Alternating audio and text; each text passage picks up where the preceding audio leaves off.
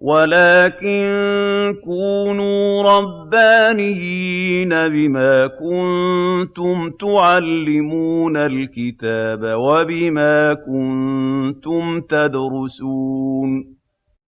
شيخ العمود وأهل العلم أحياء إحياء علوم الدين. المحاضرة الخامسة عشرة. بسم الله الرحمن الرحيم. الحمد لله رب العالمين الصلاة والسلام على سيدنا رسول الله محمد الصادق الوعد الأمين وعلى آله وصحبه وسلم تسليما كثيرا طيبا مباركا فيه إلى يوم الدين اللهم لا علم لنا إلا ما علمتنا فعلمنا يا رب ولا فهم لنا إلا ما فهمتنا ففهمنا يا رب اللهم زدنا من لدنك علما اللهم آمين أستاذة مروة ممكن نفتح الباب لو سمحت الصوت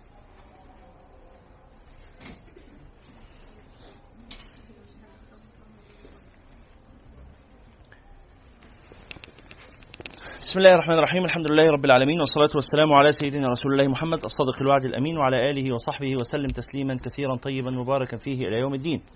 اللهم لا علم لنا إلا ما علمتنا فعلمنا يا رب ولا فهم لنا إلا ما فهمتنا ففهمنا يا رب. اللهم زدنا من لدنك علما. اللهم آمين. اللهم اغفر لنا ذنوبنا وإسرافنا في أمرنا وثبت على طريق الحق أقدامنا واجعلنا يا ربنا هداة مهديين غير ضالين ولا مضلين. برحمتك يا أرحم الراحمين. اللهم آمين. ثم أما بعد أهلا وسهلا بحضراتكم وحضراتكن. هذا هو اللقاء الخامس عشر في إطار قراءتنا لكتاب إحياء علوم الدين وهو اللقاء الأول في قراءتنا لكتاب الطهارة أو أسرار الطهارة ومهماتها. ونسأل الله تعالى أن يعلمنا في هذا اللقاء ما ينفعنا وأن ينفعنا بما علمنا وأن يزيدنا وإياكم من كرمه علما. اللهم آمين. نستفتح اللقاء بقراءة ما تيسر من كتاب ربنا سبحانه وتعالى من آه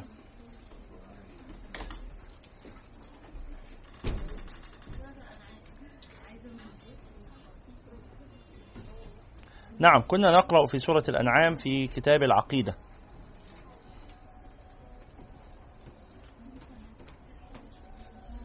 وهنا نقرأ من سورة النور.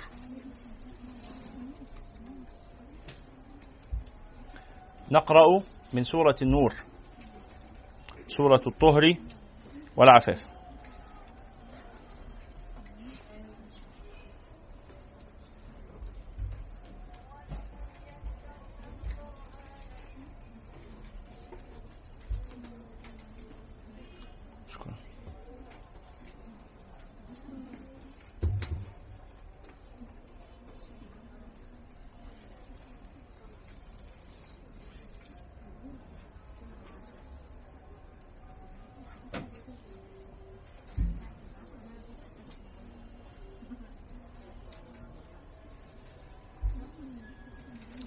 نقرأ من سورة النور آية رقم 11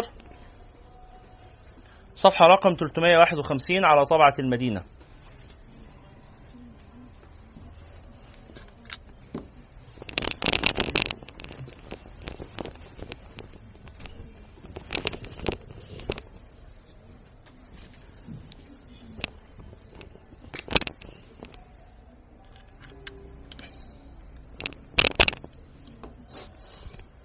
تفضلوا مستعيذين بالله من الشيطان الرجيم. أعوذ بالله من الشيطان الرجيم. بسم الله الرحمن الرحيم. إن الذين جاءوا بالإفك منكم لا تحسبوه شرا لكم بل هو خير لكم لكل امرئ منهم ما اكتسب من الإثم والذي تولى كبره منهم له عذاب عظيم. لولا إذ سمعتموه ظن المؤمنون والمؤمنات بأنفسهم خيرا وقالوا هذا إفك مبين. لولا جاءوا عليه بأربعة شهداء فإذ لم يأتوا بالشهداء فأولئك عند الله هم الكاذبون. ولولا فضل الله عليكم ورحمته في الدنيا والآخرة لمسكم فيما أفضتم فيه عذاب عظيم. إذ تلقى تلقونه بألسنتكم وتقولون بأفواهكم ما ليس لكم به علم وتحسبونه هينا وهو عند الله عظيم ولولا سمعتموه قلتم ما يكون لنا أن نتكلم بهذا سبحانك هذا بهتان عظيم يعظكم الله أن تعودوا لمثله أبدا إن كنتم مؤمنين. ويبين الله لكم الآيات. والله عليم حكيم. إن الذين يحبون أن تشيع الفاحشة في الذين آمنوا لهم عذاب أليم في الدنيا والآخرة.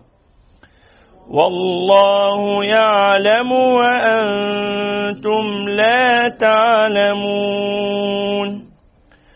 ولولا فضل الله عليكم ورحمته وأن الله رؤوف رحيم. صدق الله العظيم. وبلغ رسوله الكريم ونحن على ذلك إن شاء الله من الشاهدين. نسأل الله تعالى أن يجعلنا وإياكم من أهل القرآن الذين هم أهل الله وخاصته. اللهم آمين. الطهارة. يقول عنها النبي صلى الله عليه وسلم الطهور شطر الإيمان. ويقول الله عز وجل إن الله يحب التوابين ويحب المتطهرين. بدأ الإمام الغزالي كتابه قسمه إلى أربعة أقسام فالقسم الأول في العبادات ورأس العبادات العلم ثم العقيدة. فإذا علم أن لا إله إلا الله وإذا عرف أدوات العلم وعرف العلم النافع وبدأ يعلم عن الله وعن رسله وعن كتبه وعن اليوم الآخر إذا تم له ترتيب عقله في هذه المساحات فقد وجب عليه أن يبدأ العمل. وأول العمل التنظيف. أول العمل التطهير. قالوا التخلية قبل التحلية. قبل أن تصلي وتزكي وتصوم وتحج لا بد أن تتطهر. بكافة أشكال الطهارة. فبدأ الإمام الغزالي في هذا الباب هو الباب الثالث. بدأ الكلام عن العبادات. قبل كده العلم والعقائد كان بمثابة الإيه؟ المقدمة. النهاردة كده إحنا بنبدأ العمل. تبدأ الأعمال الآن.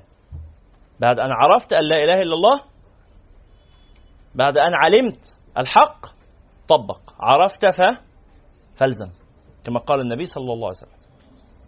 يبدأ العمل. وأول العمل الطهارة. فيقول رحمه الله بسم الله الرحمن الرحيم الحمد لله الذي تلطف بعباده فتعبدهم بالنظافة. دائما الإمام الغزالي يجعل مقدمة كل كتاب إحنا قلنا الأحياء أربعين كتابا. كل كتاب منهم يجعل له مقدمة مناسبة. ما معنى كونها مناسبة؟ أن اختياره للألفاظ فيها متعلق به بموضوع الكتاب. المقدمة دائما عبارة عن حمد الله الحمد بسم الله الحمد لله والصلاة والسلام على رسول الله صلى الله عليه وسلم أما بعد. دي المقدمة. لكن بتحمد ربنا على إيه؟ على حسب الموضوع بقى اللي أنت فيه. فالحمد لله على الذي تلطف بعباده فتعبدهم بالنظافة. نعمة تستحق الحمد. وأفاض على قلوبهم تزكية لسرائرهم أنواره وألطافه.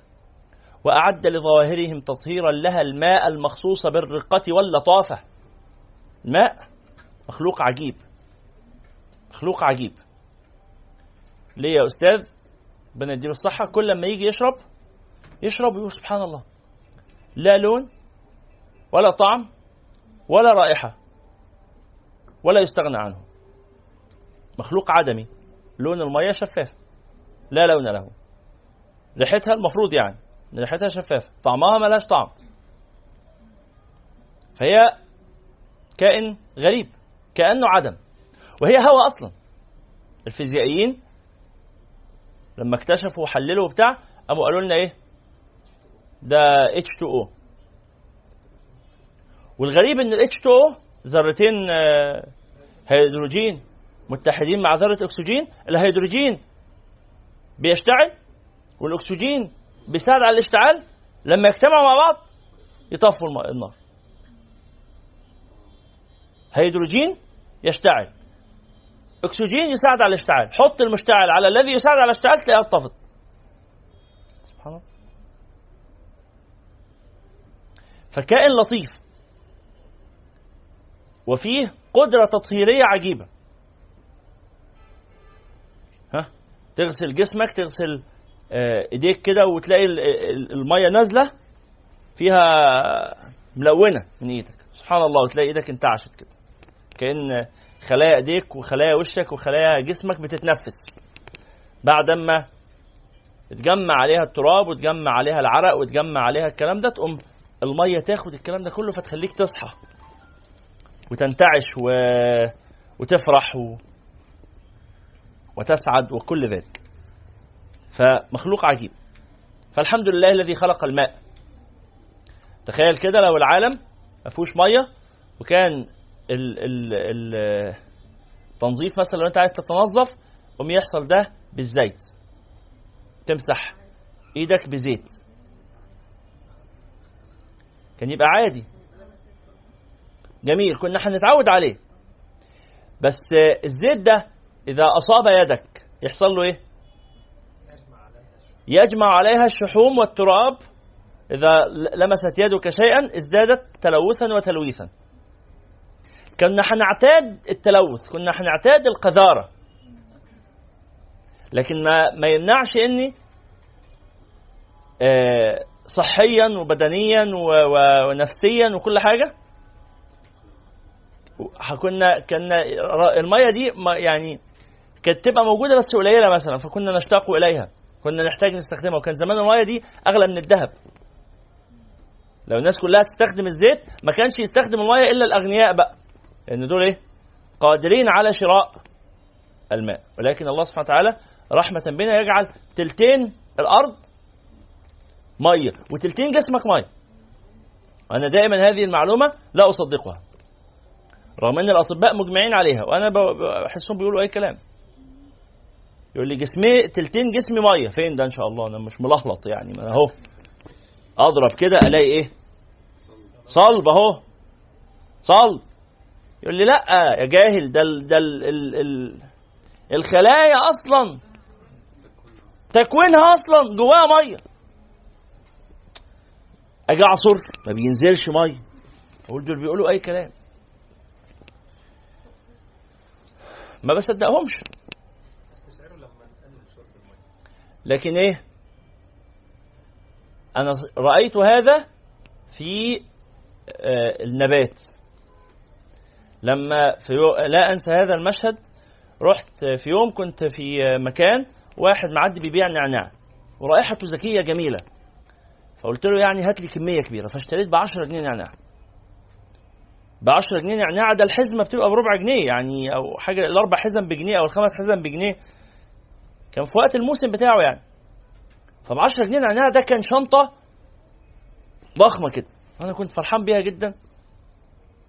ورحت لمراتي كده وأنا حاسس إن أنا إيه يعني متشمل بقى وجايب لها نعناع عشان على أساس نخزنه وقلت إيه يتنشف ونبقى نحطه على شاي إحنا أصلا ما بنشربش شاي بس يعني لو هنبقى نشرب شاي ما تعرفش أنا أنا النعناع كان ريحته عجباني فقررت اشتري ما فيش في بيتنا شاي ما بنجيبش شاي عمرنا ما نشربه لكن ريحة النعناع حلو. نشرب شاي بالنعناع مخصوص عشان خاطر إيه؟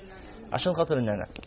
الشنطة الكبيرة دي قلت لها جففيها فحطيتها على صينية عشان تتجفف صينيتين كبار كده منظر كل صينية فيهم ضخم ضخم يعني. صينيتين كبار مليانين نعناع. بعد يومين أنا نسيت المسألة. بعد يومين ثلاثة كده بقول لها أخبار النعناع إيه؟ اتنشف قالت لي آه خلاص نشفته وطحنته وبتاع وعبيته قلت لها طب ما توريني كده. أنا متخيل بقى الكمية الشنطتين الكبار دول هيعملوا مننا برطمان مثلا برطمانين حاجة عبوتين كبار كده. فاذ بيها تجيب لي برطمان قد كده. فأقول لها لحظة واحدة فين النعناع؟ قالت لي هو ده. قد كده بالظبط. يعني يعني آه عايز أقول لكم إيه خم... ممكن 10 معالق شاي صغيرين. 10 معالق شاي صغيرين حاجة قليلة جدا. فقلت لها لا لحظة آه، ده شوية منهم فين الباقي؟ قالت لي دول كلهم. قلت لها إزاي؟ مستحيل. قالت لي ما هو البخار اللي فيه تطاير. ده هو كان كله مية. أنا مش منتبه إن الورقة الخضراء دي جواها مية لأني لما بعصرها ما بينزلش منها حاجة لأن المية في الخلايا بتاعتها. شائعة مش مية بالشكل الايه اللي إحنا عارفينه. فأم لما تتنشف والبخار يتطاير منها بخار المية يتطاير ويفضل الألياف بس تكتشف إن اللي أنت شايفه ده منظره قدامك كبير يطلع في الحقيقة إيه؟ ولا حاجة. يطلع صغير جدا. فتذكرت قول الله سبحانه وتعالى إنما مثل الحياة الدنيا كماء أنزلناه من السماء فاختلط به نبات الأرض فأصبح في لحظة هشيما اللي قدامي ده. تذروه الرياح. رغم إن الهواء لو كان جه على النعناع ما كانش طياره بس الهواء لما يجي على الطحين اللي قدامي ده تراب مطحون يطير. تذروه وكان الله على كل شيء مقتدرا. المال والبنون زينة الحياة الدنيا والبقيات الصالحات. خير. خير. ليه؟ لأنها باقية. المال لا يبقى والبنون لا يبقون لكن الباقي خير. فجسمك متكون من تلتين وميه فين المية؟ سبحان الله خلق الله. دكتور حسام موافي له فيديو جميل جدا بيتكلم عن المية عن أهمية تعرفين طبعا دكتور حسام موافي؟ بيتكلم عن أهمية المية واهميه شرب المية وإزاي الجسم بيتخلص من المية وما إلى ذلك. لعل حد فيكم شافه تحطه لنا عمار. تحطه لنا في المجموعة. طيب أحمد تحطه إيه؟ عارفه ما خلاص. أحمد أحمد أو عمار حد هيحطه لنا في المجموعة إن شاء الله. اللي ما شافوش يشوفوا يعني. فسبحان الله الخالق والحمد لله اللطيف. والصلاة على سيدنا محمد المستغرق بنوره الهدى أو المستغرق بنور الهدى أطراف العالم وأكنافه. وعلى آله الطيبين الطاهرين صلاة تحمينا بركاتها يوم المخافة. وتنتصب جنة بيننا وبين كل آفة. آمين. أما بعد فقد قال النبي صلى الله عليه وسلم بني الدين على النظافة وهذا الحديث لا يصح. وقال صلى الله عليه وسلم مفتاح الصلاة الطهور وهو حديث صحيح. وقال الله تعالى فيه رجال يحبون أن يتطهروا والله يحب المتطهرين أو والله يحب المطهرين. وقال النبي صلى الله عليه وسلم الطهور نصف الإيمان أو شطر الإيمان حديث صحيح. وقال الله تعالى ما يريد الله ليجعل عليكم من حرج ولكن يريد ليطهركم. شوف يقول عشان تتطهر. العبادات كلها ليه؟ التطهير بس كده.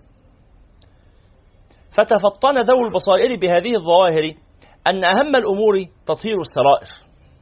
إذ يبعد أن يكون المراد بقوله صلى الله عليه وسلم الطهور نصف الإيمان عمارة الظاهر بالتنظيف بإفاضة الماء وإلقائه وتخريب البطن وإبقائه مشحونا بالأخباث والأقذار. هيهات هيهات بقى نص الإيمان إن أنا آخد دش. نص الإيمان إن أنا أستحمى. لا الطهور اللي مذكور في الحديث ده مش تطهير الظاهر إنما تطهير الظاهر والباطن معا تطهير كل منهم إن أنا أخلي ظاهري من الاكدار وال وال والأحداث وال والأنجاس كما سيأتي وأخلي باطني من الرذائل من الكبر والعجب والحسد وال, وال واحتقار الناس ونحو ذلك. قال والطهارة لها أربع مراتب. الأولى تطهير الظاهر عن الأحداث والأخباث والفضلات والثانية تطهير الجوارح عن الجرائم والآثام والثالثة تطهير القلب عن الأخلاق المذمومة والرذائل الممقوتة والرابعة تطهير السر عما سوى الله تعالى وهي طهارة الأنبياء والصديقين. أربع مستويات. أول مستوى ده الحد الأدنى. الذي تمارسه لتتأهل به إلى ما بعده. تطهير الظاهر عن الأحداث والأخباث والفضلات. قال إن ظاهري يتخلص من ثلاث حاجات. ثلاث حاجات دي تصيب الظاهر. أول حاجة الحدث. إيه الحدث؟ الحدث ده وصف معنوي. يلحق ببعض البدن. ويسمى بالحدث الأصغر أو بالبدن كله ويسمى بالحدث الأكبر. مرة أخرى تعريف ما هو الحدث؟ ما هو الحدث؟ وصف معنوي. يعني إيه وصف معنوي؟ يعني مش حسي. مفيش حاجة ممسوكة. دخلت الحمام وخرجت. وشي حصل فيه اختلاف؟ طب بغسله ليه؟ وشي ما حصلش فيه أي اختلاف. إذا دخلت الحمام وخرجت مفيش أي اختلاف حصل في وشي. ليه بغسل وشي؟ قال لأن في وصف معنوي في حالة حصلت. كأن الوش جه عليه لون طبقة لون كده. معنى. مش مفيش تغير إيه؟ حسي. مفيش تغير محسوس ملموس. وصف معنوي. يلحق ببعض الأعضاء الوجه واليدين والرأس والقدمين. يبقى اسمه إيه؟ حدث أصغر. أو بالبدن كله كأن اللون ده غطى الجسم كله. وفي الحالة دي يبقى اسمه حدث أكبر يبقى لازم تغتسل بقى.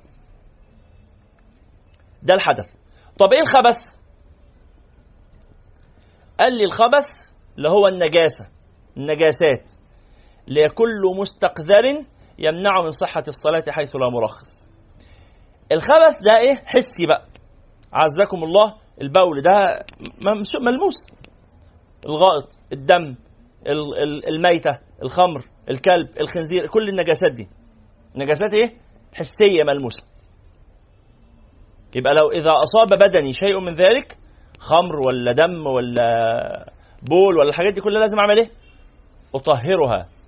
بإزالة هذه الأشياء عن بدني أو عن ثوبي أو عن الأرض أو عن السجادة يبقى ده تطهير الإيه؟ الخبث. طب ثالث حاجة الفضلات. إيه الفضلات؟ أعزكم الله غير البول والغائط والحاجات دي تبع تبع النجاسات. بس قال لي لو من غيري تبقى نجاسة من الغير. لازم أزيلها. طب من نفسي تبقى نجاسة برضه. بس أنا مضطر إلى خروج هذا مني. ما يخرج من البدن ليس كله نجس. أحيانا يخرج من البدن حاجات مش نجسة زي المخاط مثلا الخارج من الأنف. المخاط الخارج من الأنف. ده شرعا طاهر ولا نجس؟ لا مش نجس طاهر لكن إيه؟ مستقذر. قوم لو سمحت استعمل منديل ولا استعمل المية ولا اغسل مناخيرك. أذنك يطلع منها شمع. ها؟ برضه ده طاهر شرعا. اللعاب. ما ده طاهر شرعا. بس إيه؟ حسيت إن في بلغم في ريق كتير وبتاع. مش هتقعد بقى تليل على نفسك لازم تتنظف. فيبقى ده إزالة الإيه؟ إزالة الفضلات. العرق. تقوم تغسل العرق طاهر ما هوش نجس صح ولا إيه؟ لما بتعرق ما بتروحش تتوضا ما بتروحش تغسل العرق ده إنما تغتسل عشان خاطر تنظف جسمك كده وتبقى ريحتك كويسة في وسط الناس وما إلى ذلك. يبقى دي المرحلة الأولى اللي هي تطهير الظاهر.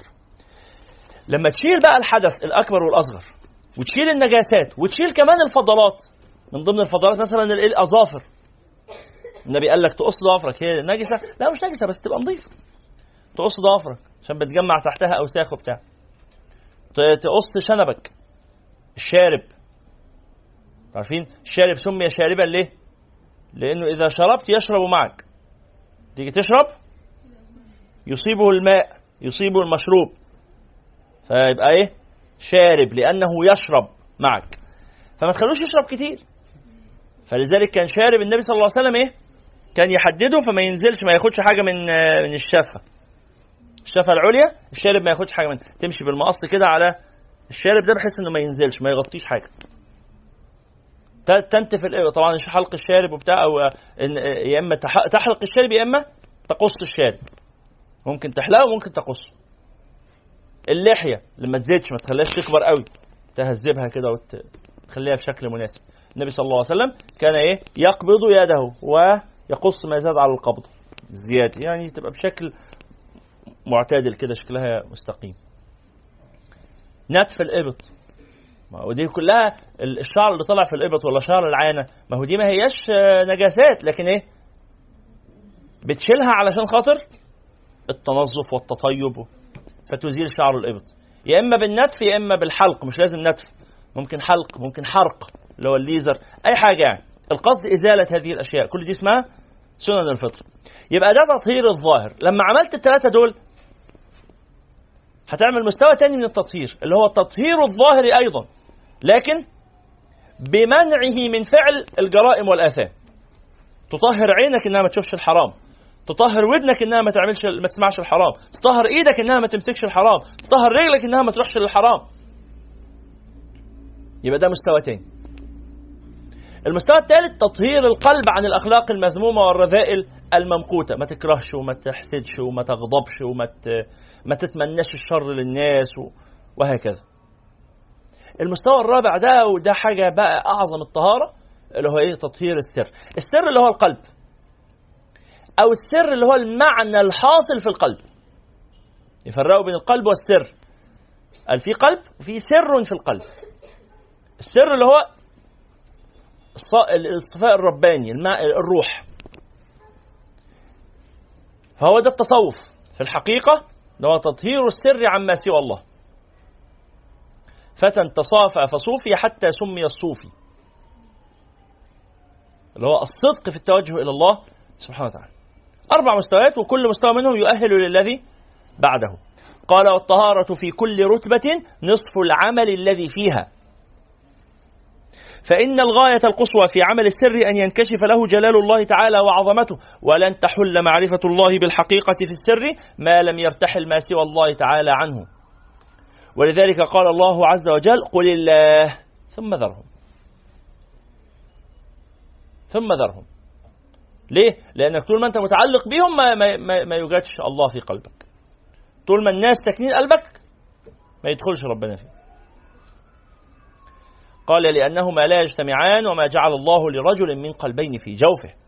وأما عمل القلب فالغاية القصوى عمارته بالأخلاق المحمودة والعقائد المشروعة ولن يتصف بها ما لم ينظف عن نقائضها من العقائد الفاسدة والرذائل المذمومة. فتطهيره أحد الشطرين وهو الشطر الأول الذي هو شرط في الثاني. فكان الطهور شطر الإيمان بهذا المعنى. وكذلك تطهير الجوارح عن المناهي أحد الشطرين وعمارتها بالطاعات الشطر الثاني. يعني يعني كل حاجة من الظاهر أو الباطن فيها تخلية وفيها تحلية. التخلية هو التطهير والتحلية هو التعطير. ولا يكون التعطير إلا بعد التطهير. فيكون الطهور شطر الإيمان سواء في أمر الظاهر أو في أمر الباطن لأنه لن يحصل التعطير اللي هو اكتساب الأمور الحسنة الصلاة والزكاة دي كلها أعمال الظاهرة. ما يحصلش التعطير ده إلا بإيه؟ بعد حصول التطهير اللي هو إن كنا بيعملش المحرمات. ولذلك قلنا درء المفسدة مقدم على جلب المصلحة. واحد هيرمي لك تفاحة تاكلها وواحد هيرميك آه طوبة تفتح آه راسك، تهتم بأنهي أكتر إنك تتلافى الطوبة وتبعد عنها ولا إنك تاخد التفاحة تتلقى تحذر الإصابة، تبعد عن الطوبة. بحيث إيه؟ لو. الحمد لله نجوت من هذا تدرك بقى التفاحة دي ولا غيرها مش مشكلة تتعوض. لكن إذا أصابتك آه هذه الإصابة ممكن تقعد فيها فترة طويلة وقد تؤدي إلى موتك والعياذ بالله. فهمتوا معنى الطهور وشطر الإيمان؟ يبقى تخلية وتحلية. الطهور اللي هو الطهور اللي هو إيه؟ التخلية ولا التحلية؟ التخلية. اللي هو قبل ما تملى نظف. قلنا قبل كده مسألة الايه؟ الدلو. إن النفس البشرية زي الدلو. الكوز الجردل. قبل ما تهتم إنك تملاه لبن وعسل وعصير وحاجات جميلة لازم الأول تعمل إيه؟ تنظفه لو رحت جبت كوباية متسخة فيها آه، آه، يعني عصير قديم بقاله شهر فيها وعفن وبقت ريحته وحشة. ورحت أخدتها زي ما هي كده ومليتها بعصير جديد وشربت. يحصل إيه؟ تعيا يجي لك تسمم قد يؤدي إلى الوفاة. يا ترى أنت اللي موتك هو إن العصير اللي أنت صبيته وحش؟ لا ده ممكن عصير جميل لسه شاريه دلوقتي حالا عصير طازة لسه معصور حالا. لكن الذي أهلكك هو الإيه؟ الكوب الوعاء. فالقرآن ده علم صلوا على النبي. القرآن علم. وهداية وبركة ونور. لما تحط العلم ده في الكوباية المتسخة وتيجي تشرب يجي لك المرض. المرض ما جاش بسبب العلم بسبب القرآن. المرض جه بسبب الكوباية. ولذلك ربنا سبحانه وتعالى النبي صلى الله عليه وسلم يقول إن الله لاعظ بهذا القرآن أقواما ويضل به آخرين. القرآن نفسه بيضل. ربنا قال كده في القرآن قال يهدي به قال يضل به كثيرا ويهدي به كثيرا وما يضل به إلا الفاسقين. سورة البقرة. وما يضل به إلا الفاسقين. اللي هو أصلا اللي نفسيته خربه وفاسدة وغير نظيفة لما يدخل عليه القرآن يزيدها فساد. ولذلك سيدنا عبد الله بن عباس يقول إيه؟ كان رسول الله صلى عليه صلى الله عليه وسلم يعلمنا الإيمان قبل القرآن. يعلمنا الإيمان قبل القرآن. اللي هو قبل ما تملى لازم الأول إيه؟ اتنظف طب علشان تنظف بما يحصل التنظيف لما أجي انظف كوباية بنظفها إزاي؟ ها؟ بمية؟ مية بس؟ لو حطيت فيها مية بس تنظف ولا مية وحاجة ثانية مادة مطهرة وإيه؟ حركة لازم دعك لازم آه، ليفة لازم مجهود. يبقى تنظيف القلب يحصل بإيه؟ بالمية برضو. أنت محتاج مية تنظف. بس المية اللي بتاخدها في الأول دي مش مية آه، شرب. مش بتاخد المية عشان تملى. أنت بتاخد المية بس عشان تنظف بس لابد مع المية من مجهود اللي هو العبادة. والذين جاهدوا فينا لنهدينهم سبلنا. تاخد شوية علم مع كتير من المجهود تنظف. طب افرض حطيت الدلو في المية النظيفة من غير مجهود ينضف ولا ما ينضفش على حسب درجة تمسك الوسخ به وعلى حسب درجة قوة المية في الاندفاع. صح ولا إيه؟ يعني لو عرضت نفسك للقرآن بكثافة من غير عبادة بس تقرأ قرآن كتير قوي قوي بنية تنظيف الدلو. كأنك حطيت الجردل تحت الشلال. ينضف ولا ما ينضفش؟ إيه رأيكم؟ مية نازلة باندفاع شديد على الجردل. ينظفوا ولا ما ينظفوش ينظفوا ليه؟ مية كتيرة قوي نازله باندفاع أنت بتقرأ بغزارة بينهمر القرآن على قلبك ينظف حتى من غير مجهود. لكن بتقرأ على قدك يبقى لازم تعوض قلة القرايه بإيه؟ بالعمل بالمجهود بالبيئة الصحبه خلاص؟ يبقى دلو مية مجهود. دي الثلاث أمثلة اللي في النظرية. المثال الرابع ممكن نكتب كده مع بعض القصة دي؟ هي نظرية الدلو دي ست رموز.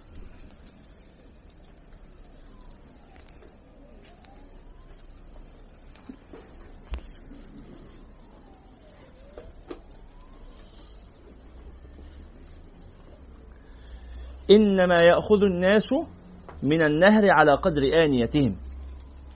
القرآن نهر كبير ضخم. تاخد أنت منه على قد الإناء بتاعك. نظرية الدلو. واحد الدلو يساوي النفس. اثنين الماء يساوي العلم. ثلاثة الجهد في التنظيف جهد التنظيف. جهد التنظيف يساوي العبادة. أربعة ثقوب الدلو. ثقوب الدلو الثقوب في الدلو. إيه الثقوب؟ لسه ما اتكلمناش عليها تخيل كده لو عندك الجرد اللي هتشرب منها أو الكوبايه النحاس اللي هتشرب منها دي مخرمة فيها خرمين ثلاثة ومليتها مية وجيت تشرب. إيه رأيك؟ هيحصل إيه؟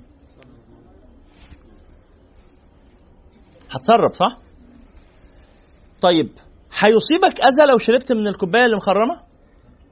هتمرض؟ هيجيب لك تسمم؟ هيعمل لك أي حاجة؟ إيه؟ لو مليت مية كتير والخرم صغير ممكن ألاقي فيها مية؟ طب لو هي إخرام كتيرة قوي والميه لا لا هي مصفى. هي مصفى. مش تستفيد صح؟ طيب هو أنهي أخطر على الإنسان الكوباية المتوسخة ولا الكوباية المخرومة؟ أنهي حالها أحسن؟ المخرومه ولا المتوسخة؟ ها أنت قدامك كوبايتين. هتشرب من أنهي فيهم؟ المخرومه ولا المتوسخة؟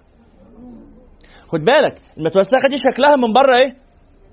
جميل مش ناقصها حاجة. شكلها من بره هلا هلا.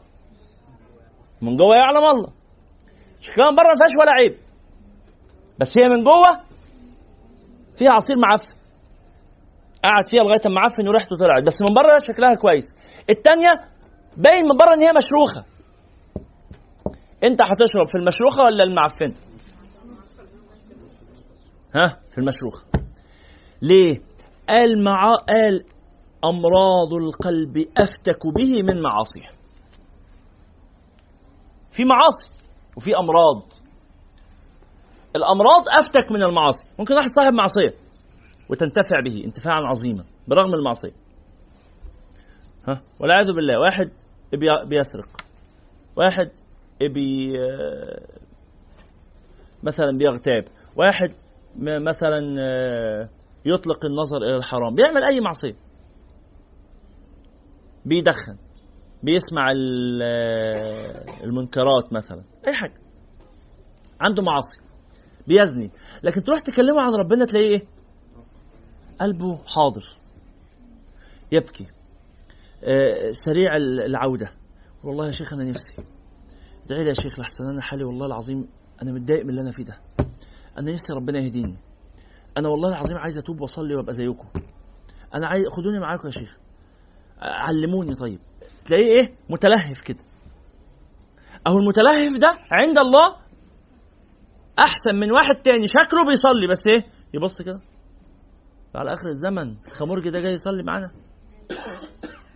خمرجي ده إيه اللي ندخله هنا ده؟ روح يا ابني شوف لك غرزة أقعد فيها يا ابني أنت جاي تعمل إيه في الجامع؟ مش بيعملوا كده ساعات؟ بعض الناس عنده النفسية دي. روح يا ابني نجر يا ابني انت أنت الحتة دي مش بتاعتك. المكان ده طاهر ما يدخلوش غير الطاهرين. يا نجس امشي من هنا. طب أنا عايز أتوب. لما تبقى التوبه وأنت أمثالك يتقبل لهم توبة أنت تقبل لك توبه أنت؟ ادي دقني أنت أنت يتقبل لك توبه بأمارة إن شاء الله. لا ما يتقبل امثالك ما يتقبل لهمش توبة. ليه؟ لأنه مجرم. لأنه شارب خمر. داخل المسجد ريحة بقه والله لا أنساه. ريحة بقه في صلاة الفجر الخمرة نشعه من بقه. ده ده ده واحد حقيقي. أنا لا أنسى الموقف ده. واقف أنا أصلي مش مش طايق نفسي. من ريحة الخمرة اللي طالعة من بقه وبيصلي الفجر. يبقى ده إيه ده؟ ما يصليش. يمشي أحسن. داخل المسجد بريحة الخمرة. كان لسه طول الليل سهران في الكباريه. اتفرج على الرقصات وتخيل خلاص كده لما تيجي تصلي خلاص كده ربنا يغفر لك. بقيت زينا اياك عشان أول مرة تنزل تصلي بقيت زيك زيي. أنا كل يوم بصلي الفجر حاضر. لا أستوي مع هذا الإنسان. مهما مهما حاول يعمل. الراجل ده يا جماعة بقاله 60 سنة في الفجور والعصيان. بقاله سنة بيصلي. مات بعد سنة. أنا بقالي 20 سنة في صلاة الجماعة. مين أحسن؟ مش محتاجة يعلم الله إيه. أستغفر الله. أيوه يعني طبعا يعني ربنا العالم بكل حاجة بس إيه؟ بس إحنا برضه يعني المسألة واضحة يعني. مسألة واضحة يعني. مفيش نظر نفكر بيه. بقى لي 20 سنة ما فاتتنيش تكبيرة إحرام في الجامع. استوى مع الراجل اللي بقاله ست شهور بيصلي ومات و60 سنة في حياته في الكباريات وصبي علمة ده كان طبال. يلا بلاش نتكلم عن الميتين بقى. اذكروا محاسن موتاكم. هو ما كانش عنده حاجة عدلة الصراحة بس يعني ما إيه بلاش نتكلم عليه. عارفين النفسية دي؟ أهو اللي عنده النفسية دي ده اسمه إيه؟ مريض. والتاني عاصي. أهو العاصي أحب إلى الله من المريض. العاصي أحب إلى الله. ليه؟ يتوب من قريب يتوب الله عليه.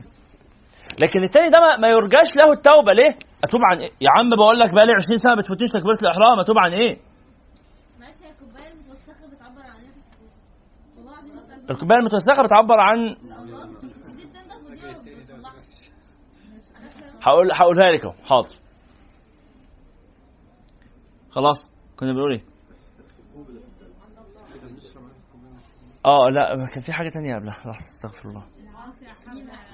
فالعاصي أحب إلى الله من مريض النفس ده. سيدنا عيسى عليه السلام يسير مع حواريه يوما وبعدين إيه؟ رأى رجلا من عصاة بني إسرائيل فالعاصي ده حب إن هو يمشي معاه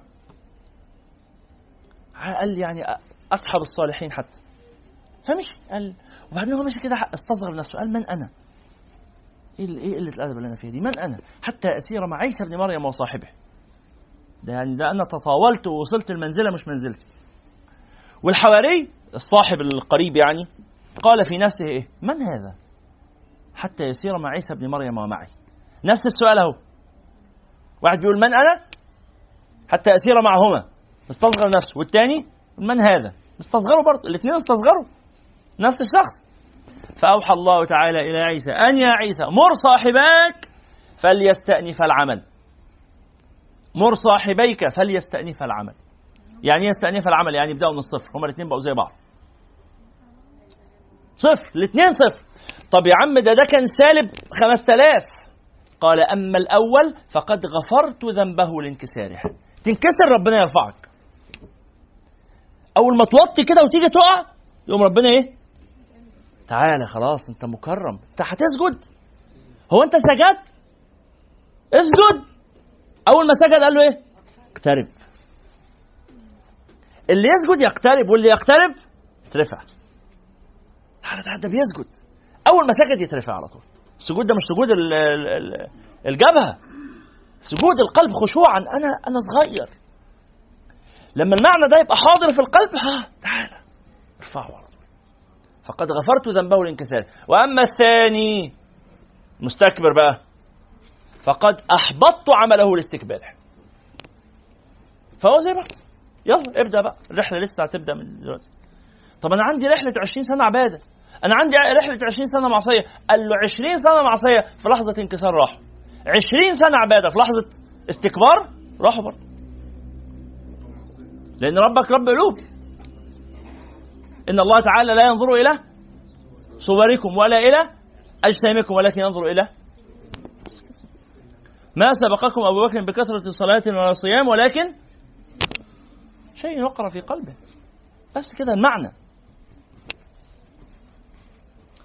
فهي إيه؟ فمسألة الثقوب دي ذنوب.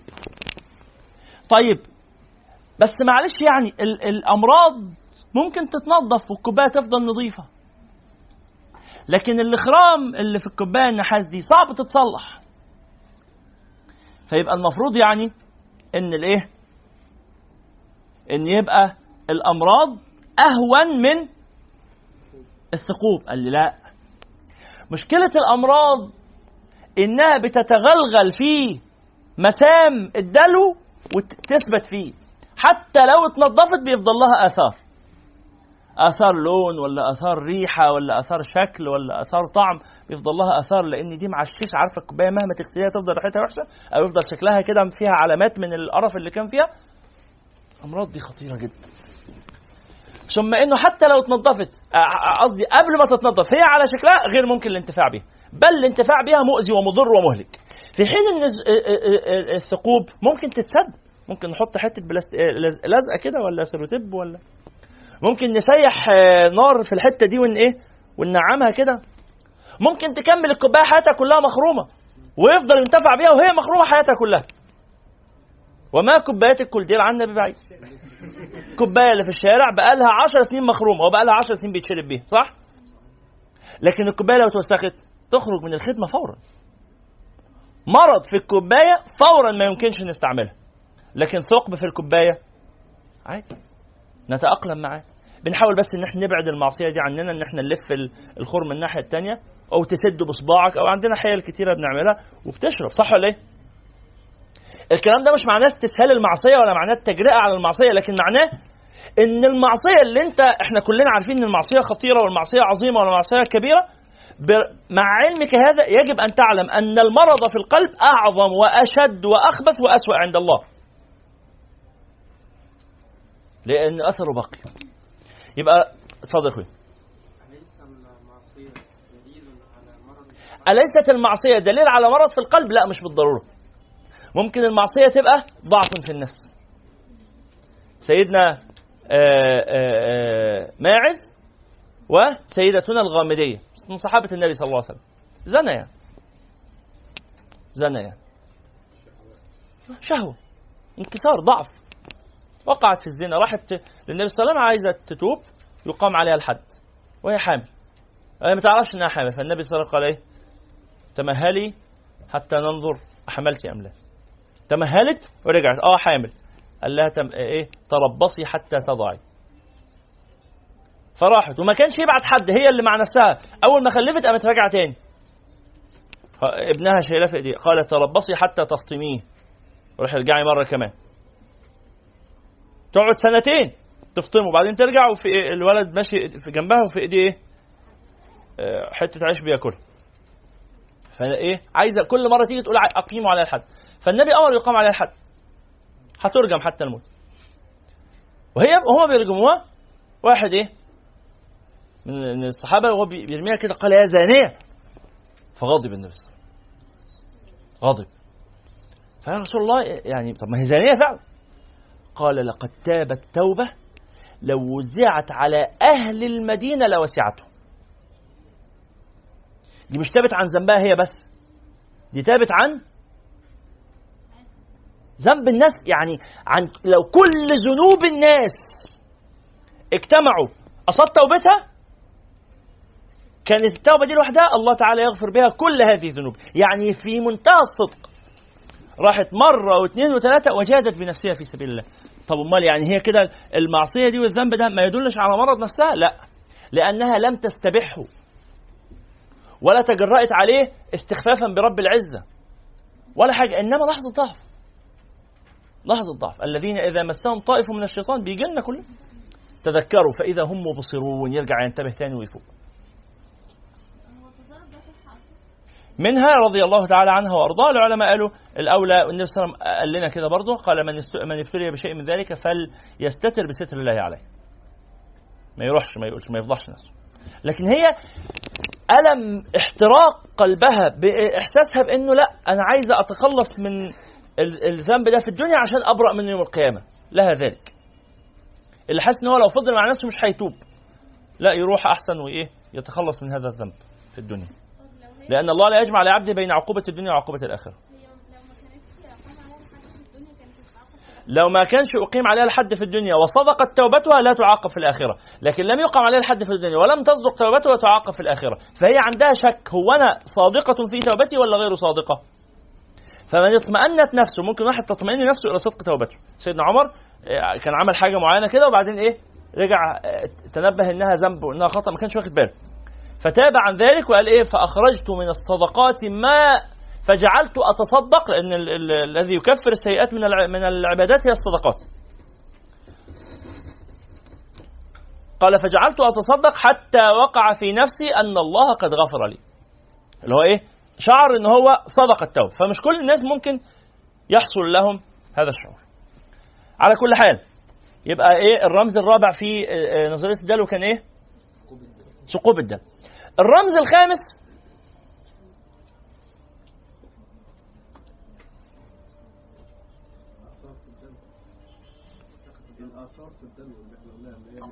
آه اقدار الدلو أو أوساخ الدلو حاضر؟ أي واحد. هو راجل رخ راح آه، اعترف وأقيم عليه الحد رضي الله عنه نعم اللي يتوب عن ذنب غصب عنه وبعدين يتوب عنه بعدين بعد ما الموقف يروح ده إيه؟ آه، اختها بتقول اللي يتوب عن ذنب غصب عنه هو كده ما تابش. هو ال... يعني يعني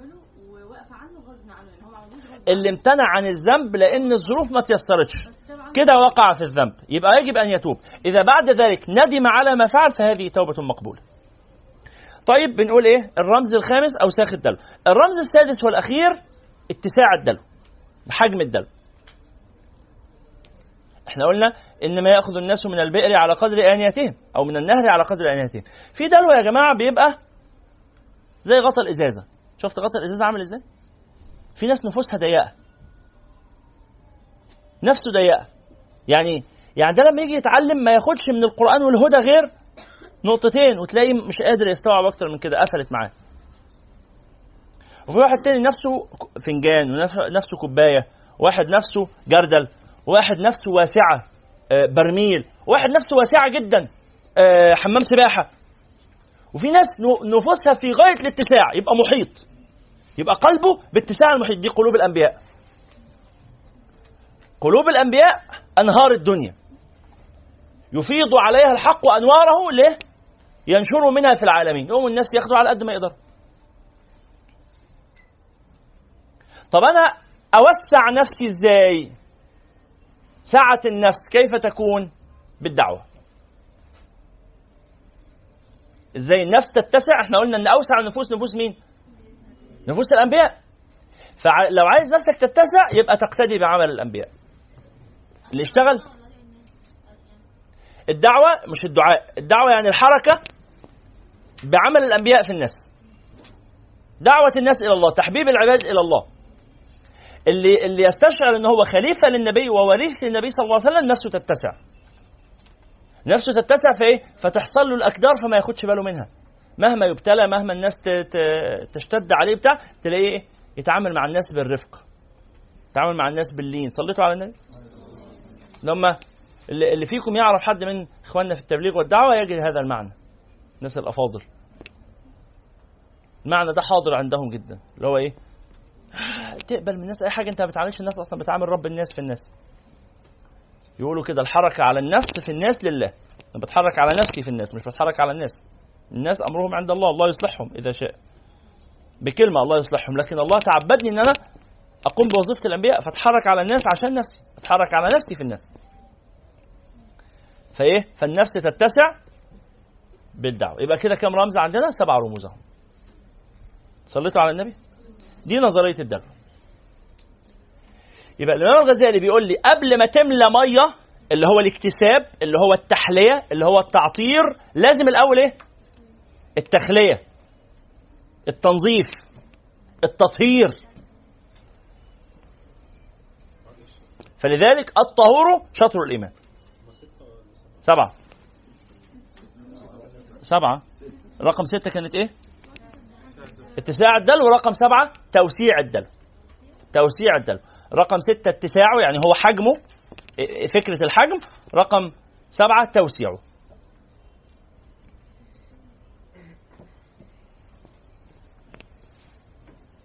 قال وهذه مقامات الإيمان ولكل مقام طبقة ولن ينال العبد الطبقة العالية إلا أن يجاوز الطبقة السافلة. فلا يصل إلى طهارة, طهارة السر عن الصفات المذمومة وإعمارته بالمحمودة. من لم يفرغ أو من لم يفرغ عن طهارة القلب عن الخلق عن الخلق المذموم وعمارته بالمحمود. وذكر في ذلك كلاما آه، جميلا يمكن نتجاوزه.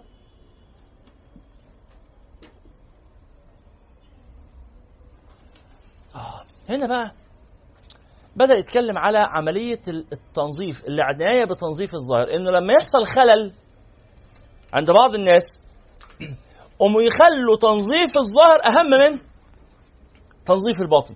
قال على فكرة الصحابة رضوان الله عليهم كان ظاهرهم مش بالنظافه اللي أنتوا إيه تتخيلوها قوي إن هو طول النهار ايديه في المية والصابون ويحط العطور والمسك واللوشن وال وال hand gel وال وال body gel يعني إيه ما كانتش حياتهم كده والكريمات وال ما كانتش حياتهم كده. ده الصحابي يقول ما عرفنا الاشنان إلا بعد رسول الله صلى الله عليه وسلم. ما كناش ن...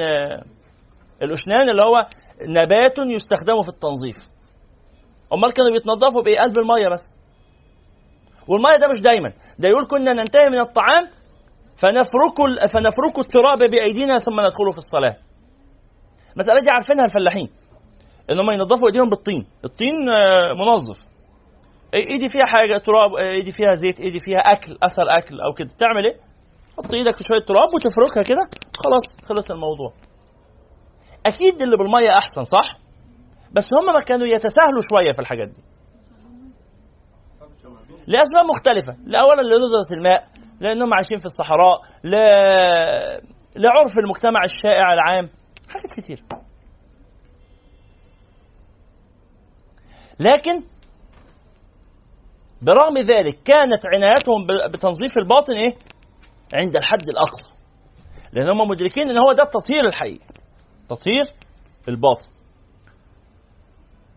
خلاص فيعني ذكر مجموعة من الآثار في هذا ال- الموضوع.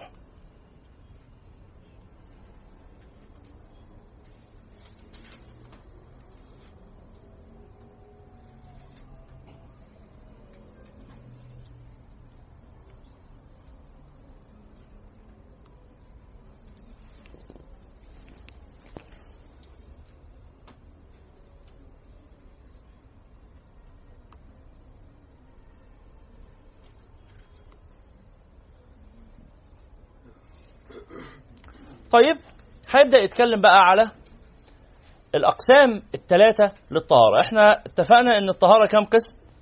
طهارة الظاهر. إحنا بنتكلم هنا عن طهارة الظاهر. قال لي ثلاث أقسام. إيه هي؟ إزالة ال ال النجاسات وإزالة أنتوا معايا ولا لأ؟ طب ما تساعدوني كده نفتكر إزالة النجاسات. اثنين إزالة الأحداث ثلاثة إزالة الفضلات. والثلاثة دول كانوا في الرتبة الأولى اللي هي تنظيف الظاهر. تنظيف الظاهر عن هذه الثلاثة ثم تطهير الظاهر عن الجرائم والمنكرات الظاهرة. ثم تطهير الباطن عن الأمراض الباطنة. ثم تطهير السر عما سوى الله. هو هنا في كتاب الطهارة هيتكلم على إيه؟ هيتكلم على المرحلة الأولى. طب أمال المرحلة الثانية اللي هي تطهير الظاهر عن الجرائم هيتكلم عليها فين؟ قال هيتكلم عليها في ربع العبادات. الحاجات الحرام ما تعملهاش. طب أمال تنظيف تنظيف وتطهير الباطن عما سوى الله آه، آه، ابتدى عن ال- الذنوب الخفية. هيتكلم عليها فين؟ قال لي في ربع الم- المهلكات. فهمتوا المسألة؟ فكتاب الطهارة مختص به طهارة الظاهر وعلاقتها بالأسرار الباطنة. فهيبدأ يتكلم في قسم الكتاب إلى ثلاث أقسام. كتاب الطهارة قسمه إلى ثلاثة أقسام. القسم الأول في تطهير ال- طهارة الخبث اللي هي إزالة النجاسة. إزالة النجاسة. والقسم الثاني في آه، إزالة الحدث الأكبر والأصغر. والقسم الثالث في إزالة الفضلات. آدي أقسام كتاب الطهارة. صليتوا على رسول الله؟ صلى الله عليه وسلم. هيبدأ يقول لي بقى إيه هي بالظبط النجاسات والنجاسات دي تشيلها إزاي وتعتني آه، بإزالة آثارها اللي في عين النجاسة وفي أثر النجاسة وفي مجموعة يعني آه، تفاصيل مهمة. هو كتاب الطهارة كتاب بسيط. آه، في كتير من الأحكام الفقهية بس هو دايما إيه كل هنلاقيه إن شاء الله وهذه عادته في بقية الكتب اللي جاية كلها. يتكلم عن الأحكام الفقهية الأول وبعد كده يلحقها بذكر الإيه؟ الأسرار والآداب النفسية التي يجب أن تنتبه لها وأنت بتمارس هذه الأفعال الظاهرة.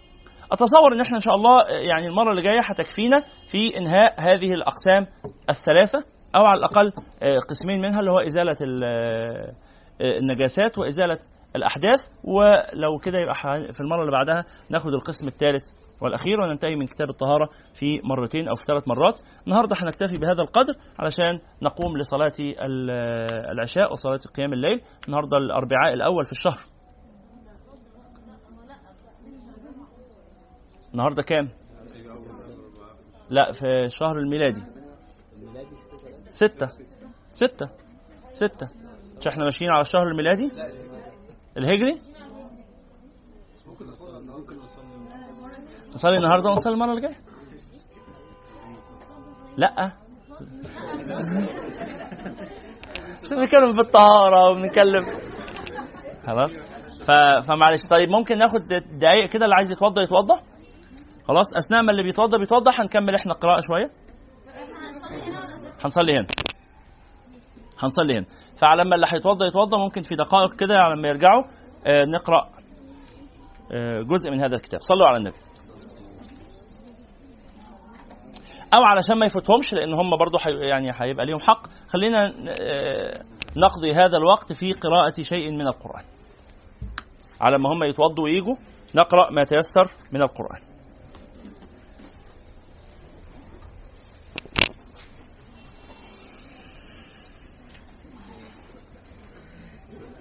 النور لما إحنا هنغطي وضوء الصلاة ده يبقى كده يعني يكفي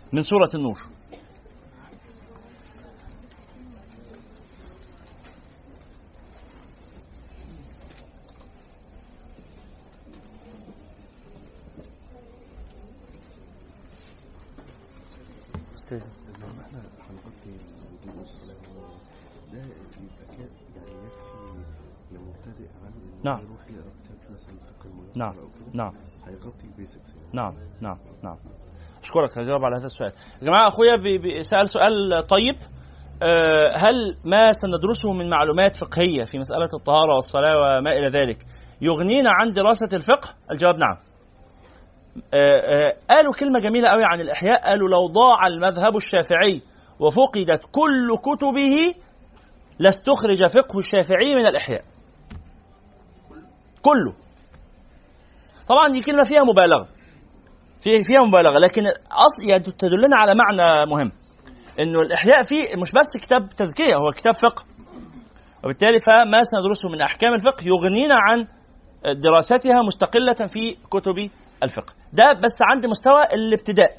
اللي عايز يتعمق أو كده لا لازم يدرس بالطريقة الثانية عشان هي يعني بناء لازم يتبني خطوات متتابعة مت- يترتب بعضها أو ينبني بعضها على بعض. طيب. تعالوا نقرأ بس من غير ترتيل. تعالوا نقرأ قراءة الإيه؟ التأمل والتدبر. من سورة النور.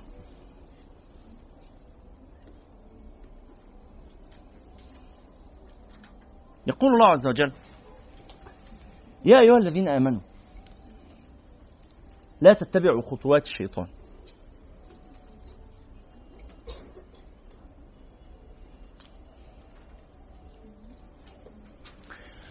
ومن يتبع خطوات الشيطان فإنه يأمر بالفحشاء والمنكر. ولولا فضل الله عليكم ورحمته ما زكى منكم من أحد أبدا. ولكن الله يزكي من يشاء. والله سميع عليم. ولا يأتلي أولو الفضل منكم والسعة. أن يؤتوا أولي القربى. يأتلي يعني يمتنع. أولي الفضل أصحاب الغنى. أن يؤتوا أولي القربى والمساكين والمهاجرين في سبيل الله. لو حد عمل لك حاجة آذاك. تعرفين القصة؟ سيدنا مصطح سيدنا أبو بكر. نعم. واحد من أصحاب النبي صلى الله عليه وسلم اسمه مصطح بن أبي مصطح كان من الصحابة المجاهدين شارك في غزوة بدر. ولما حدثت حادثة الإفك وقع في عرض السيدة عائشة. اتكلم عليها بال- بالحرام. قال دي زنت والعياذ بالله. كلام خطير. وهو أصلا كان راجل فقير وسيدنا أبو بكر كان بيصرف عليه. فلما قال الكلمتين دول ونزلت تبرئه سيدنا آه، سيدة عائشة في القرآن سيدنا أبو بكر قال إيه؟ والله لا أنفق على مصطح هو بقى أصرف عليه. ويغلط في بنتي ويشتمها وياخد في عرضها ودي مش مجرد بنتي دي زوجة النبي. يعني إن ما كانش عشان أنا عشان خاطر إيه؟ قدر النبي وجلال النبي. والله ما أصرف على الراجل ده ابدا. فربنا قال إيه؟ لا الطهارة طهر باطنك. ليه؟ حتى ولو أساء تصرف عليه برضه. أن يؤتوا أولي القربى والمساكين والمهاجرين في سبيل الله وليعفوا وليصفحوا. اصفح يا أخي. ألا تحبون أن يغفر الله لكم؟ فقام سيدنا أبو بكر إيه؟ قال بلى. أحب أن يغفر الله لي. إذا هي المغفرة يتوصل لها بالأسلوب ده وبالطريقة دي؟ آه أنا أحب كده. أنا أريد أن يغفر الله لي. والله غفور رحيم. إن الذين يرمون المحصنات الغافلات المؤمنات لعنوا في الدنيا والآخرة ولهم عذاب عظيم. اللي بيخوضوا في أعراض الناس بالباطل والزور والبهتان. يوم تشهد عليهم ألسنتهم وأيديهم وأرجلهم بما كانوا يعملون يومئذ يوفيهم الله دينهم الحق. ويعلمون أن الله هو الحق المبين. الخبيثات للخبيثين. الآية دي كتير من الناس يفهمها غلط ويقول إيه؟ الخبيثات للخبيثين يعني الرجالة والستات. الخبيثات يعني النساء للخبيثين من الرجال والطيبات للطيبين يعني الرجال الطيبين يتجوزوا الستات الطيبات. ده مش صحيح. إنما الأعمال. لأن في ناس آه، طيبين ومتجوزين خبيثات. وفي آه،. زي الأنبياء رضوان الله عليهم. بعضهم يعني سيدنا لوط ولا سيدنا آه، سيدنا نوح. ضرب الله مثل الذين كفروا امرأة نوح وامرأة لوط. وضرب الله مثل الذين آمنوا امرأة فرعون. امرأة صالحة طيبة اهي وزوجها خبيث. فتيجي واحدة يعني امرأة صالحة وجوزها مجرم. تقول إيه؟ واضح إن أنا كمان مجرمة. ما هو الخبيثات للخبيثين وهو خبيث يبقى أنا خبيثة زيه. لا. أو العكس لا مش كده. إنما الخبيثات من الأعمال للخبيثين من الأشخاص. والخبيثون من الأشخاص للخبيثات من الأعمال. يذهبون يفعلون الخبائث. والطيبات يعني النبي عليه الصلاة والسلام والسيدة عائشة مش السيدة عائشه دي طيبة؟ ربنا بيعلمنا في الآية دي إن إحنا إيه؟ نحسن الظن بالناس بما يظهر منهم. السيده عائشه ما يجيش منها كده. لما تسمع كلام عن حد شكله قدامك محترم تقول إيه؟ المحترم ما يجيش منه غير المحترم. فالأصل تكذيب الحاجات الوحشة دي الأصل رفضها الأصل إنكارها. لولا إذ سمعتموه ظن المؤمنين والمؤمنات بأنفسهم خيرا وقالوا هذا آه، آه، بهتان عظيم. قالوا هذا إفك مبين يعظكم الله أن تعودوا لمثله أبدا. خلاص؟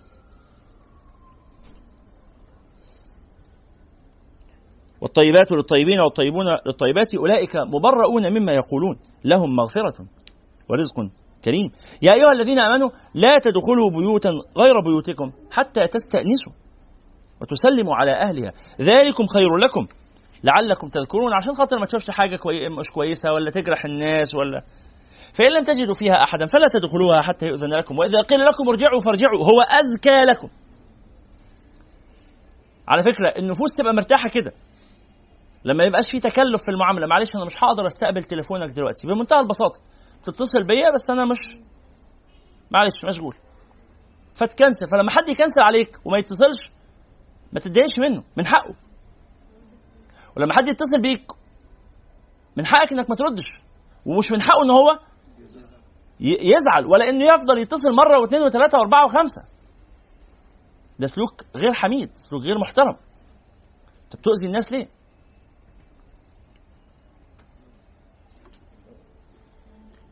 إلا لو أبوك أو أمك. ماما تتصل زي ما عايزة. أصلا لا تلجئها إلى إعادة الاتصال. يعني ماما ما تتصلش مرتين ورا بعض. هي من أول مرة ترد فورا. مهما كان كنت بتعمل إيه. قلنا الكلام ده قبل كده كتير. مهما كان بتعمل إيه. ترد فورا. إن عدم ردك يوقعك في الإثم. إلا لو كنت هتبعت رسالة وهي هتقراها وكده. المهم إنك تطمئن نفسها يعني. ما تبقاش قلقان عليك. إنه قلق قلبها عليك. لحظة واحدة ما لا تطيقه أمام الله تعالى يوم القيامة. ما تعرضش نفسك للمخاطرة دي. ليس عليكم جناح أن تدخلوا بيوتا غير مسكونة فيها متاع لكم. والله يعلم ما تبدون وما تكتمون. قل للمؤمنين يغضوا. شوف الطهارة هنا. العفة. قل للمؤمنين يغضوا من أبصارهم ويحفظوا فروجهم. ذلك أزكى لهم. أزكى. ده أحسن يا جماعة. ده أزكى هنا معناها أطيب. أطهر. مش أذكى من الذكاء يعني مش أذكى. أذكى. دي حاجة زاكيه فلينظر أيها ازكى طعما يعني الطاهر النظيف الجميل. ذلك ازكى لهم. إن الله خبير بما يصنعون. وقل للمؤمنات يغضضن هم كمان من أبصارهن ويحفظن فروجهن. شوف بقى زي الرجالة بس عندهم هنا إضافة. إيه الإضافة؟ إن هم إن هم زينة. هم عارفين إن هن جميلات وهن مشتهيات في أعين الرجال. يبقى مطلوب إن هم يغضوا أبصارهم. بس إيه؟ شهوة النظر عند الرجل أقوى منها عند المرأة. الرجل يشتهي بايه بعينه لكن المرأة تشتهي بأذنها. الرجل إذا أحب أحب الع- أحب ال- الهيئة أحب الصورة أحب الشكل. لكن المرأة إذا أحبت أحبت الإيه؟ أحبت شخص وأحبت أن تسمع منه كلاما حسنا. صليتوا على رسول الله؟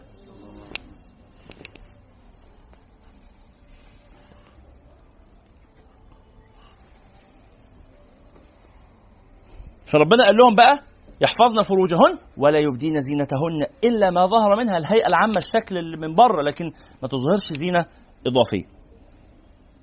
وليضربن بخمرهن على جيوبهن، الخمار هو غطاء الرأس. بعض السذج يجي يقول إيه وليضربن بخمرهن على جيوبهن يبقى ربنا أمر الست تغطي الجيب، الجيب اللي هو فتحة الصدر. فين بقى فين غطاء الرأس؟ هو قال حطي الخمار على صدرك. عشان صدرها ما يبانش. عشان ال- الشق اللي هنا ده هو ده اسمه الصدر فتحة الصدر. فعشان رقبتها ما تبانش وصدرها ما يبانش وبتاع تقوم تحط الخمار على صدرها. يبقى المقصود إيه؟ بعض الناس يقولوا كده. يقول يبقى المقصود الاحتشام. تلبس لبس محترم تقفل زرايرها لفوق وبتاع بشكل بنص كم ولا بكم ولا حاجة. شعرها نازل بس شكله شيك ومحترم وفي إطار الإيه؟ الاحتشام والعفة. وهو ده اللي مطلوب شرعا. نقول له يا عبيط. كلمة خمرهن الخمار هو غطاء الرأس. فلما ربنا يقول خلوا غطاء الرأس يغط يغطي الصدر مش معناه شيلوه من على الرأس حطوه على الصدر. زي لما أجي أقول لك إيه؟ شد كمك شد كمك يغطي صوابعك. بتعمل إيه؟ بتعمل إيه؟ الكم هو بيغطي إيدك. فبتقوم تشده زيادة وتعمل كده صح؟ فلو جه واحد بقى قال طب بس كده قام قالع هدومه ولبس كمه في في صابعه قال اهو كمي مغطي صابعي. ده كده مستقيم صلوا على النبي خلاص؟ ده كده فهمه مستقيم أو فعله مستقيم؟ ولا مضطرب؟ مضطرب. صليتوا على رسول الله؟ يبقى يبقى وليضربن بخمرهن على جيوبهن يعني يجعلن خمرهن سابغة بحيث تغطي مع تغطيتها لرؤوسهن لأن هو ده معنى كونه خمار أصلا.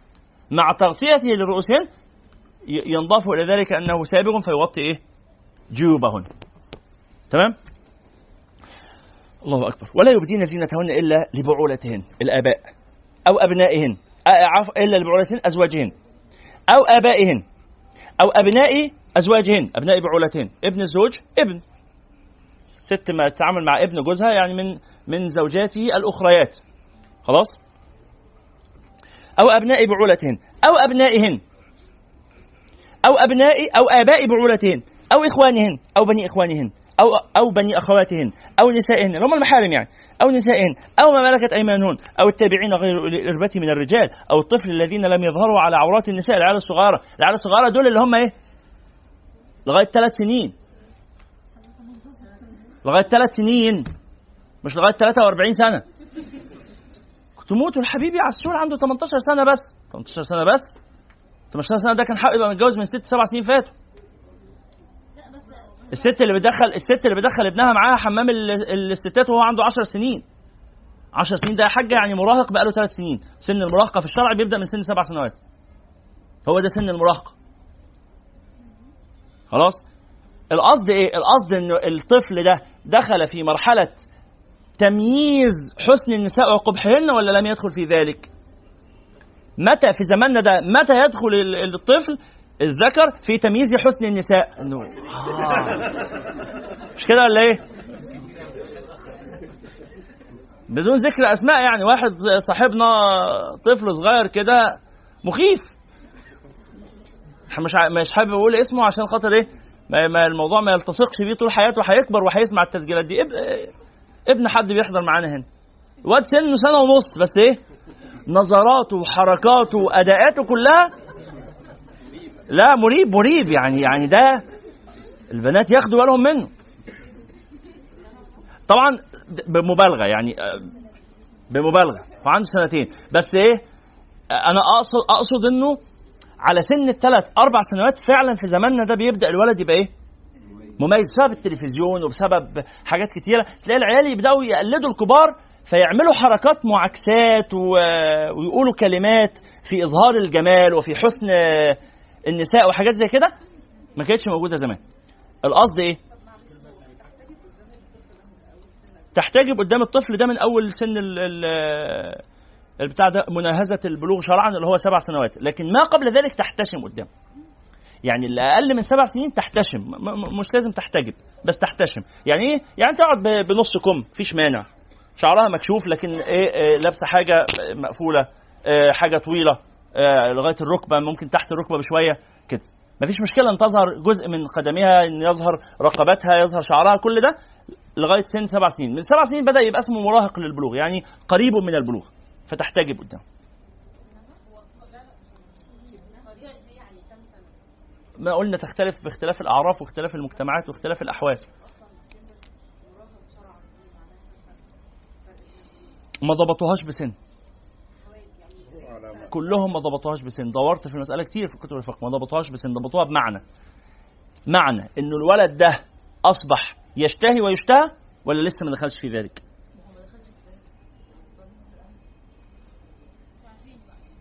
يعني بمراجعة الأطباء في هذا الزمان يقولوا لا دخل في ذلك. غض البصر مطلقا. غض البصر مش عن الشهوات مش غض البصر إن أنا إيه لا لو نظرت للنساء من باب أنا مش حاسس بحاجة بس تاملا لخلق الله. ها؟ حرام. حرام. وكذا وكذا وكذا نظر المرأة إلى الرجل. والله إيه آه، آه، شكله جميل. أنا ما أقصدش حاجة وحشة بس هو عسول يعني ما جميل جميل الهيئة. نقول هذا حرام. طب والله ده أنا مضطر أنظر عشان خاطر بنتعامل. هبيع حاجة مش هديله البتاع كده وهو يديني البتاع كده. والبضاعة تقع في الأرض. ما هو... لازم ننظر. قال النظر للمعاملة جائز على قدر المعاملة. على قدر؟ داخل أشتري. البياعة واقفة في السوق قالت لو سمحت يا أستاذة فلانة البتاعة دي. الله أكبر ما شاء الله. إيه ده بقى؟ دي كده بقى قدر المعاملة؟ بس. خلاص؟ قال ولا يضربن بأرجلهن. ليعلم ما يخفين من زينتهن. ممكن تبقى عندها زينة مخبياها. لابسة خلخال. لابسة خلخال. تمشي تخبط برجليها ومن الناس إيه؟ تسمع صوت الخلخال تفتتن. في زماننا ده ينوب عن ال- الخلخال إيه؟ الكعب. الكعب. ست اللي ماشية تك تك تك تك. تلاقي إيه؟ كل الموظفين يمين وشمال في واحدة ست بتتحرك. هي بتلفت النظر يا جماعة أنا همشي يا جماعة. اللي الناس اللي قاعدة هناك الأخ اللي مش منتبه. تك تك. عشان خاطر كله. تلاقي ال- الأنظار متجهة إليه. عاملة إعلان إن هي تتحرك حتى ولو. حتى ولو. تعمل إيه؟ تروح عند الراجل الجزمجي تلزق حتة كاوتش مطاط في الكعب من تحت. عايزة تلبس كعب عشان خاطر آه، بتحبه ولا بتحب شكله ولا بترتاح فيه ولا بتاع. ما يجراش حاجة. بس إيه؟ ما تخلوش يصدر صوت طب هي إيه الزينة المباحة اللي الزينة المباح إظهارها ظاهر البدن ظاهر الثياب. هي والله يعني هدومها هدوم آه، مكوية ونظيفة وبتاع. ماشي مفيش مانع. خلاص مش مطلوب منها إن تلبس هدوم شكلها وحش. على عادة النا- الناس النساء في مجتمعنا من لبس الثياب تلبس زيهم. المهم إن يتحقق الثلاث شروط ألا يصف وألا يكشف وألا يشف. بس فده ظاهر الزينة. وقيل ظاهر الزينة الكحل والخاتم. هتحط شوية كحل في عينيها أو تلبس خاتم في إيديها. بس بس لحظة بس الكحل هنا إيه؟